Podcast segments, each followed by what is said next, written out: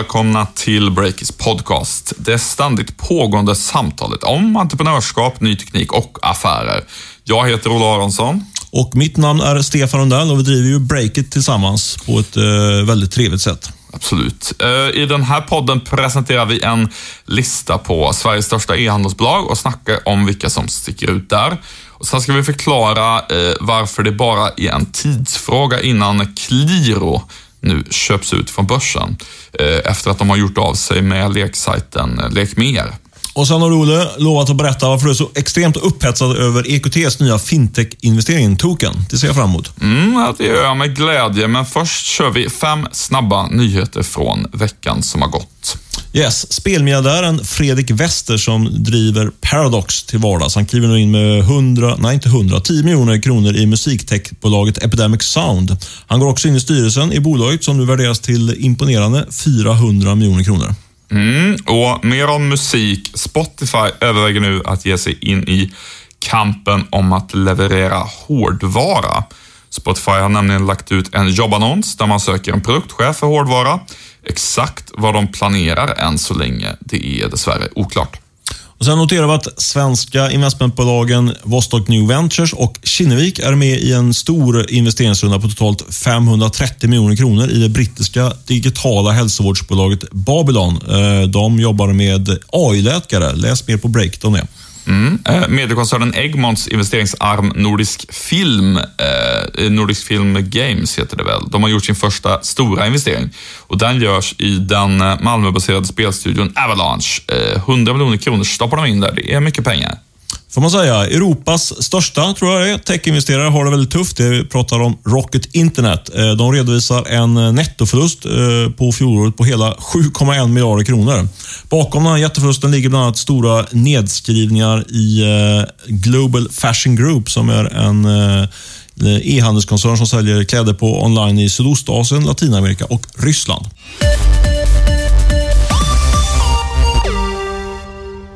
Huvudsponsor för Breakers podcast är Rackfish, leverantören av hosting för dig som vill ha hög kvalitet och hjälp dessutom av erfarna och kunniga personer. Och vi är grymt glada att Rackfish är med oss hela året. Eh, det känns jättebra måste jag säga och det innebär ju faktiskt att de är med och stöttar Breakit och vår oberoende journalistik. Och Det känns också extra bra eftersom de, precis som vi, är ett litet eh, entreprenörsdrivet företag här i den svenska internetindustrin som växer och bubblar. Och om ni vill komma i kontakt med Rackfish för att få hjälp med trygg och stabil hosting så kan ni ringa till 08 425 018 18. Alltså 08 425 018 18. Då kommer ni oftast i alla fall till VDn och medgrundaren Johan Olde som ni kan småprata med och så kan han guida er eh, rätt till en lösning som passar er. Yes, och med det tackar vi Rackfish för veckans huvudsponsorskap. Samma dag som denna podd kommer ut kan vi publicera en lista på Sveriges eh, största 100 e-handlare. Eh, det är en lista som vi har sammanställt i samarbete med ägardatabasen Value8. Du Stefan har ju botaniserat i listan. Vad är dina iakttagelser? Ja, från till början måste jag säga att det är en riktig fest att gå igenom sådana här listor. Hundra stycken eh, av små och stora e-handlare. Eh, små säger jag, för eh, det krävs faktiskt bara ungefär 10 miljoner kronor i omsättning för att ta sig in på den här hundralistan. Eh, det är ju såklart hedersamt att vara med på en sån lista, men det sätter, sätts ändå i perspektiv det här lite grann när man tittar på till exempel då de 150 största eh, mat matbutikerna, inte 100 utan de 150 största matbutikerna. Där krävs det en omsättning på typ en kvarts miljard för att kvala in. Så det är Vad gäller fysiska matbutiker då? Typ ICA och sådär? Ja, men exakt. De som man har en... ICA-handlaren är ju klassiker. Det är ju det, det, är ju det sättet man ska bli miljonär på. Förr i tiden i alla fall, det är ju att starta en ICA-butik. Och Det är ju ganska talande. Men det säger också en del om att eh, e-handeln växer starkt, men den är fortfarande inte jättestor. Liksom. Det, det, det, krävs inte så mycket för att man ska bli en, en spelare i det, här, eh, i det här sammanhanget. Vilka är de, de riktigt stora då, som ändå har, har, har lyckats? Eller hur många är de, kan vi kanske säga? Ja, om man tittar på eh, tio topplistan då så är det väl ungefär en halv miljard som krävs för att, för att kvala in där eh, i topplistan. Och överst, eh, ganska ohotad, är eh, Dustin eh, som också är börsnoterat. Eh, säljer mycket datorprodukter.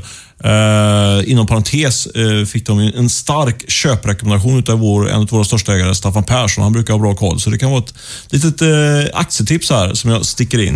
Eh, så Dustin ligger upp, högt upp. Sen har du Qliros olika bolag. Eh, eh CDON, eh, Gymgrossisten eh, och Eh, Nelly som är klumpat ihop där, så de ligger, ligger också högt upp eh, på listan. Men annars är det väl ungefär de varumärken som du kan tänka dig eh, känna till. Ellos är en gammal klassiker som ligger också högt och så vidare. och så vidare. Du får in på breaket helt enkelt då och eh, även ni botanisera i, i den här topplistan. Men jag tycker det kan vara intressant att lyfta fram ytterligare en trend eh, kring, om man, om man tittar i listan, eh, som jag eh, som jag kommit fram till. Dels själv, men också genom att prata med lite folk som har, som har bättre koll på e-handelssegmentet än mig. Och Deras iakttagelse, eh, som jag delar, det är att det är väldigt få bolag som har lyckats ta sig ut utanför Nordens gränser. Alltså det finns ganska få svenska eh, internationella e-handelssuccéer. Den största, den som sticker ut mest, som vi faktiskt inte har med på listan, det är ju Daniel Wellington. För de har ju väldigt mycket försäljning i fysiska butiker också. Men eh, orsaken till Daniel Wellingtons stora framgångar är ju är att de har varit eh, marknadsfört sig på ett väldigt framgångsrikt sätt eh, digitalt i sociala medier. Naked är väl ett sånt bolag också som, som ser ut att ta, ta fart rejält eh, utanför Nordens gränser. Men jag tycker att det... Ja, de är lite undantag då kan man säga. Ja, Generellt det... sett så håller man sig kanske inom Sverige eller, eller Norden bland bolagen på den här listan. Ja, precis. Och det finns liksom inget internationellt eh, e svenskt e-handelsunder. Alltså det är lite, får man, om man ska vara lite kritisk så, eh, lite underbetyg mot eh, de svenska e-handlarna. De har inte lyckats eh, lyckats ta sig ur den, den här eh, den nordiska bubblan. Utan de, de, eh, de eh, bygger affären lokalt. Då. Det är väl inget fel i det, men man gillar ju gärna bolag som är riktigt stora internationella succéer. Och det, och det saknas i rätt stor utsträckning på den listan. Du, eh, nu, eh, vi fortsätter med e-handel, men eh, vi ska ta veckans största affär i internetindustrin här i Sverige.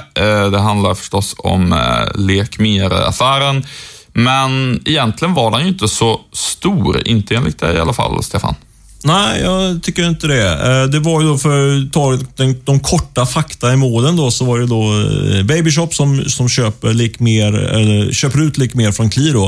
Eh, och eh, Det innebär att Babyshops omsättning i ett slag då dubblas till över en miljard. Så de kvalar in högt upp på den här listan som vi pratade om precis. Men som sagt, det är inte någon jättestor affär. Prislappen är 90 miljoner kronor. Och det tyckte du var lite av ett reapris? Ja, det får man säga med tanke på att, eh, att Lekmer då omsätter eh, drygt en, en halv miljard och det brukar innebära att eh, priset på ett sådant bolag är någonstans ja, minst en halv miljard, kanske till och med uppåt en miljard med den typen av omsättning. Eh, man brukar få betalt åtminstone en gång försäljningen, precis som du säger. Eh, och då är det inte så svårt att räkna ut varför de säljs för bara 90, 90 miljoner. Alltså de torskar en hel del pengar på Lekmer helt enkelt. Mm, så är det. Eh, det de gör en förlust på, gjorde en, eh, ett justerat rörelseresultat eh, på minus 80 miljoner, eller 82 tror jag det var till och med för fjolåret. Så det är väl, är ju, finns ju en eh, logik att man inte får så mycket betalt för det där, men samtidigt så så, ehm, så, eh, så finns det ju, ja, med en sån stor omsättningsbas så, går, så är det klart att det, eller klart, men det finns en rätt stor, stor chans och potential att man kan vrida om det där till lönsamhet. Och det tror jag också Babyshops eh, eh, Babyshop-ledningen som jag pratade med om här eh, kring detta. Men däremot för Lekmer eller Qliro är det nog mer krångligt. För det, det stora orsaken är att man har sånt dåligt Eh, alltså då, så svagt resultat då på Likmer, det är att man har haft ett väldigt, väldigt stora problem med sitt, sitt lager i Arlanda stad. Eh, de har inte alls fått, fått ordning på det där. Det har varit, till och med varit negativa artiklar i kvällspressen på saker som skickats fel och så vidare. Så det, det där har gjort att eh, hanteringen av eh, varorna har gått upp, vilket i sin tur satt sig på resultatet. Eh, och för att man ska komma till rätta med det här så är väl analysen att man behöver eh, stänga det här lagret i Arlanda stad och bygga upp ett eget lager. Eh, och eh, Eh, det, då pratar vi om en investering på sådär 100 miljoner kronor. Då, eh, som nu då Qliro kan man säga då, slipper att ta eh, i samband med att man säljer. Så det, den, den 100 miljonen kan vi lägga på på prislappen om man vill göra någon form av analys av varför de får det så billigt. En annan sak som gör att, att Babyshop eh, Eh, att det här är så bra eh, affär för Babyshop, det är ju att eh, de har byggt upp Babyshop ett stort robotlager i Jönköping, där man bara kan fasa in det här lagret, då, den här lagerdelen från Lekmer. Så det blir en grymt skön synergieffekt där och det innebär att de tror att de kan göra det här lönsamt redan inom ett år. Det blir väldigt intressant att se. Det här är något vi kommer få svar på väldigt mycket i fjärde kvartalet i år då, antar jag.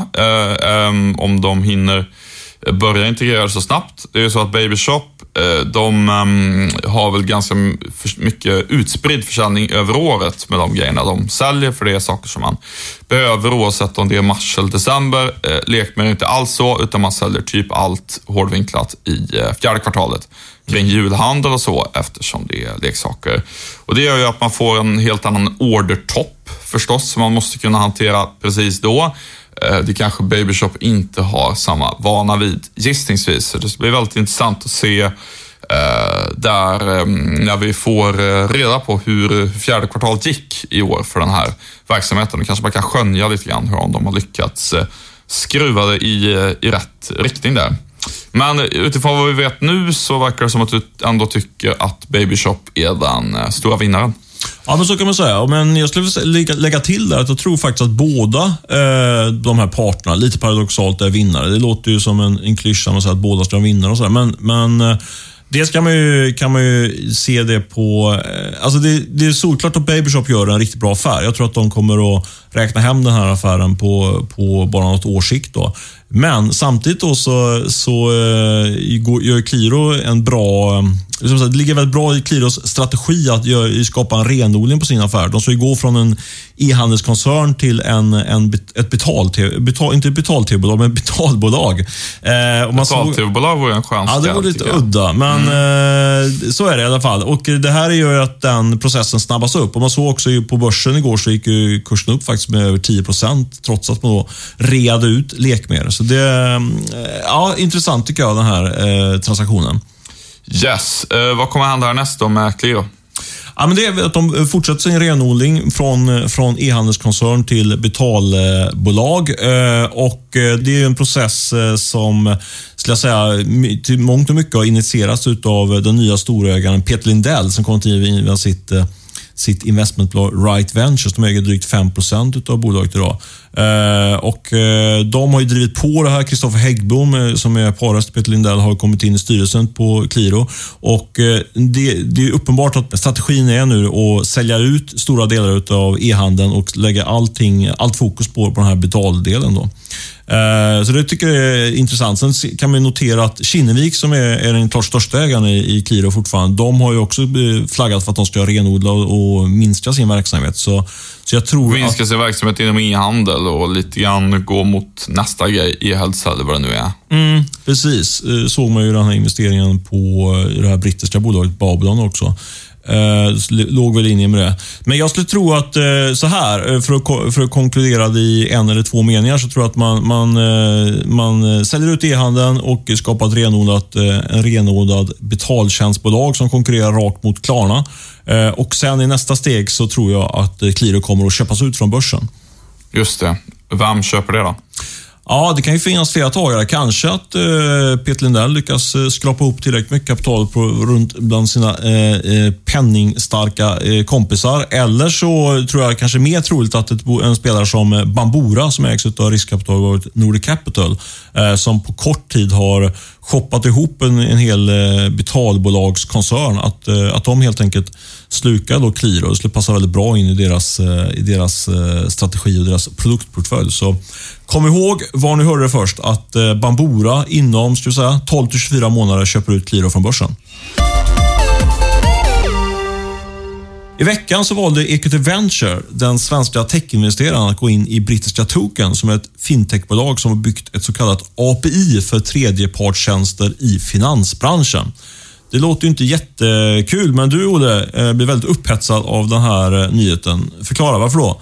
Jo, eh, det är så att det här är någonting som jag verkligen, verkligen, verkligen tror behövs. Ehm, Och vurma för? Ja, det gör jag faktiskt verkligen.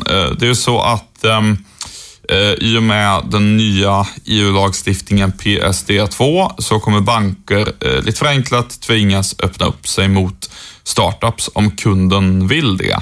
Det kan till exempel handla om att om du vill att någon app som du har laddat ner ska få tillgång till transaktionerna på ditt bankkonto så att de kan analysera det där och berätta för dig hur du kan spara pengar, så eh, måste banken tillåta det. Det är ju inte riktigt 100% klart än hur regeltolkningarna kommer vara, men det är tanken på ett ungefär.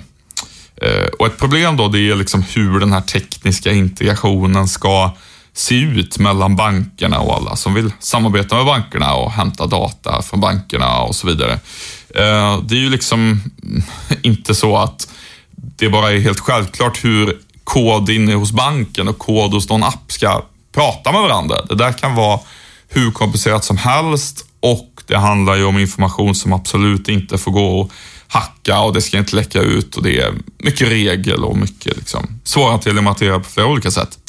Eh, och det här eh, blir ju inte bättre av att bankerna har en väldigt föråldrad teknik. Eh, de har kan man säga, det brukar kallas för en enda stor monolitisk kodklump som är liksom kärnan i deras IT-system i ett programmeringsspråk som heter COBOL eh, som allmänt anses vara väldigt föråldrat.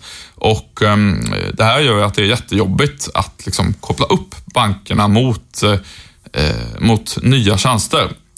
Och därför behöver man, och nu förenklar jag ganska grovt här som icke-programmerare, man behöver ett sorts mellansteg, en sorts tolk som gör att bankernas stora eh, gamla kodklump kan prata med alla möjliga appar. Man behöver ha något mellansteg där och det är token. Men eh, varför ska man ta in liksom en extern leverantör? Är det inte bättre att man eh, bygger om sina system då så de funkar för det här? Varför, varför, varför, varför ge massa pengar till token? För jag antar att det är rätt dyrt att anlita dem. Ja, det är exakt hur dyrt har jag, har jag inte riktigt fått svar på än, men det är väldigt relevant. Kan inte bara bankerna bygga mer moderna IT-system och egna så kallade API som man kan koppla upp sig mot på ett smidigt sätt. Misstänker att svaret att det är ännu dyrare att bygga själv? Eller?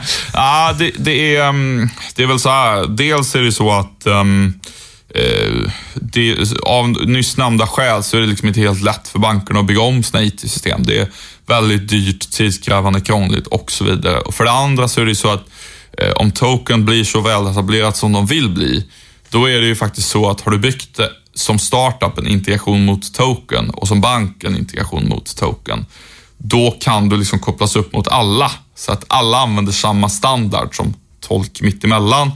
Och det blir lite grann som att liksom, när man åker utomlands, att eh, det finns ju folk som pratar franska och swahili och svenska och alla möjliga språk, men alla har bestämt sig för att om alla pratar engelska, då funkar det liksom.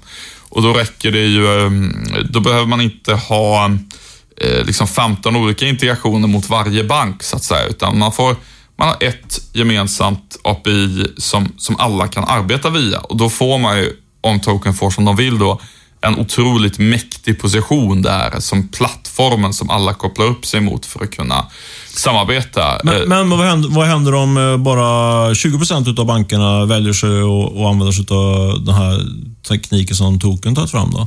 Ja, men då är det ju... Um, alltså, krävs det att alla går med? Eller? Nej, det krävs inte att alla går med. Eh, det är ju, um, alltså, så att säga, en bank som, som använder sig av Token du kan ju fortfarande utveckla mot och samarbeta med den banken med alla möjliga typer av nya fintech-tjänster. Det funkar ju så att säga. Eh, däremot så är det väl så att, ehm, jag vet inte vad man ska dra för parallell, är, om vi tar som Google till exempel, att det, det, är väl de har ju den här monopolsituationen, där de, det är därför de har blivit ett sånt enormt techbolag, för det finns liksom en, en så kallad nätverkseffekt, att om alla använder Google blir det bättre för alla och för Google, är ju liksom teorin. Och det är väl, det får vi väl se. Det kanske blir en massa konkurrerande token-kloner då som, ja, att, att marknaden är mer fragmenterad eller så får de som de vill i det optimala scenariot, att de blir dominanta. Men tjänsterna kommer ju fortfarande fungera och du kan ju förstås ha att de här olika API-erna då, om det blir fem olika istället för ett monopol, i sin tur kan prata med varandra. Eh, det viktigaste är nog att man inte gör så att bankerna måste bygga om de här gamla COBOL-kodmonoliterna för att på ett smidigt och enkelt sätt kunna koppla upp sig mot olika appar. Men hur tjänar token pengar då? Ärligt talat så um, eh, har jag inte gått in i detalj hur deras affärsmodell ser ut nu. Eh, däremot så är det, det ledningen säger det är att de kan tjäna pengar på hur många olika grejer som helst. Alltså, det är ju um, mest fantasin som sätter gränser där inom finans. Det kan, men eh, kärnan är ju någonstans att bankerna ska ju på ett eller annat sätt betala token för att få använda tokens plattform. Och sen kan bankerna i sin tur tjäna pengar på massa olika nya sätt eh, via den plattformen då. Eh, och det kan vara betalningar för e-handeln eller fondförvaltning eller något helt annat. Liksom. Det, är, det är en väldigt bred tjänst på så vis kan man, kan man säga. Men lågodsen är väl att de tar betalt typ per månad eller någonting eller per transaktion av bankerna för att man får använda det där. Intressant spaning. Ytterligare en spaning från uh, signera Olle Aronsson ska du nu komma med. Du, du, du har pratat om något som kallas för lågrisk-startups. Uh, vad är det för något? Jo, det är en trend som jag har noterat nu på sistone. Uh, jag tycker mig se att uh, allt fler både entreprenörer och investerare delar upp startups i olika segment. Att man pratar om unicornbolag och om lågrisk eh, startups, eller lågrisk techbolag, kanske en mer korrekt formulering. Mm. Uh, jag uh, lyssnade på Bill Gurley, tung riskkapitalist på Benchmark i USA. Han sa i podden This Week in Startups att uh, i princip är riskfritt att investera i en andra gångs entreprenör inom B2B, alltså företag som säljer till andra företag. Han menar liksom att det, det, det bolaget kommer liksom inte konka. Personen kommer klara av att lösa det. Och därför är det liksom en, trots att det också kan ses som en startup, så är riskbilden totalt annorlunda mot när de till exempel investerade i Snapchat, när det var nytt. Men mycket mindre potentiell uppsida då? Ja, precis. Det är ju också förmodligen mycket lättare för den där entreprenören att förhandla till sig en hyfsat hög värdering. Man har redan fått igång en affärsmodell och sådär. Det är, det är en helt annan det är en helt annan typ av investering helt enkelt. Eh, och sen så tänkte jag på det här igen när Anton Holmqvist, eh, som faktiskt är en sån serieentreprenör, han är inne på sitt andra bolag nu, Bruce. Han har också investerat i Breakit. För övrigt, han eh, har skrivit en krönika som ska gå ut hos oss i dagarna som handlar om en pragmatisk guide till hur man bygger en startup med låg risk för att det blir en fullständig besvikelse. Mm. Uh, väldigt bra, uh, enkel. Den skulle jag själv vilja läsa, faktiskt, från vårt perspektiv här. Ja, och han, uh, han börjar ju texten um, själv med att uh, skriva att det här är inte en guide för den som vill bygga en unicorn. Mm. Men det kan vara jättebra om du ska bygga en startup som, ja, kanske liksom omsätter 100 miljoner med lönsamhet om några år, men inte liksom blir nästa Google. Mm. Eh, ni får gå in och läsa texten. Det handlar ju bland annat om att man, det ska finnas en tydlig existerande marknad. Ja, typ sälja tvättmedel finns det en marknad för, men månresor för privatpersoner är ju liksom fortfarande i sin linda. Ni fattar. Det, det, och ett antal sådana kriterier. Um, och det här är något jag också tycker mig notera hos investerarna faktiskt. Uh, Standout Capital är ett exempel på det som vi pratade om här om podden till exempel där man eh, liksom vill gå in i bolag eh, med lite lägre risk som har kommit en bit som kanske ger eh, sådär tre till fem gånger pengarna snarare än hundra gånger pengarna och många affärsänglar till exempel. Um, ja, men en del av de som har investerat i Breakit tror jag kanske inte förväntar sig att få hundra gånger pengarna, men ändå en, en bra avkastning så att säga. Mm. Det varierar lite från person till person, men jag tror att det här kommer att formaliseras lite mer i branschen. Att vi kommer prata mer om eh, unicorn-investerare och unicorn-startups och lågrisk-techbolag och eh, relativt då lågrisk-investeringar lite mer. Eh, och det ehm, tror jag är väldigt eh, sunt faktiskt. Vad tänker du om den här utvecklingen? Nej, men det, det är väl en uh, intressant spaning. Det har väl alltid funnits olika investerings, alltså risknivåer på investeringar. Och, och, så utifrån det är det väl inget nytt, men det är kanske just att det blir tydligare så. Liksom, den, den, och jag tror han är helt, in, helt rätt, han Bill Gurley, heter han så? Mm. Uh, att uh, Hade jag till äventyrs haft massa pengar istället, då hade jag nog satsat på, på, det här, uh, på de här uh, B2B-tjänsterna med uh, andragångsentreprenörer. Det känns som betydligt säkrare investeringar än de här en token då kanske. Mm. Eh, sådär. Men det är vad man har för, vad man för, för profil som, som investerare. Men absolut, jag tror att det är något, eh, det växer nog, det, det förstnämnda kategorin. Vad tror du själv? Nej, men jag tänker väl att, eh, precis som du lite grann påpekar, det är ingen kioskvältare direkt att det ser ut så här. Så har det väl alltid varit, att, att företag har varierande riskprofiler. Det jag hoppas kommer hända och som jag själv på breaket tänkte bidra till, det är att alla blir lite tydligare från början när man drar igång ett bolag och tar in pengar, vad det egentligen är för riskprofil man har som entreprenör. Alltså att eh, man börjar prata lite mer om att nej, men vi ska starta ett bolag eh, som inte kommer vara mega hög risk utan mer medelrisk och därför har vi inte tagit in 100 miljoner i riskkapital utan vi tar in lite grann och vi satsar på att liksom ta Norden snarare än hela världen och så vidare. Eh, och att man är liksom tydlig och rak med det från början eh, så att det där delas upp lite grann. I, ibland kan jag tycka att det blir lite grann att ehm, det blir liksom en, eh, en sägning i branschen att alla borde egentligen satsa globalt direkt och ta in jättemycket pengar och satsa stenhårt för att det är det enda som gäller. Och Jag tror väl kanske att det kan leda till att både entreprenörer och investerare blir lite besvikna.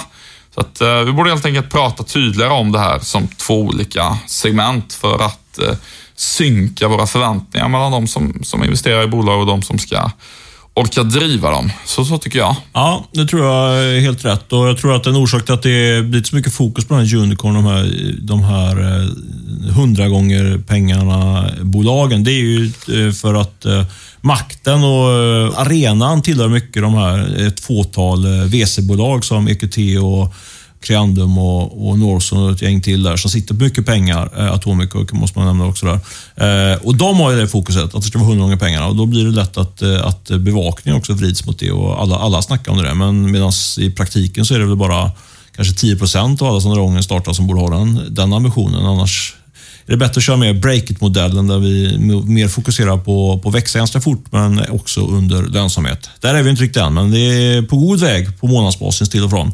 Eh, ja, men kul att resonera lite grann om den här typen av eh, mer nästan filosofiska eh, frågorna med dig, Olle. Men nu är det väl dags för oss att sy ihop eller knyta ihop säcken. Ska vi säga något mer innan vi stänger av eh, inspelningsmanicken för den här gången? Nej, vi ska tacka Rackfish, vår huvudsponsor, och eh, Beppo ljudproduktion som eh, klippte det här. Annars får ni ta hand om er så hörs vi nästa vecka. Ha det bra. Hej, hej. Hej.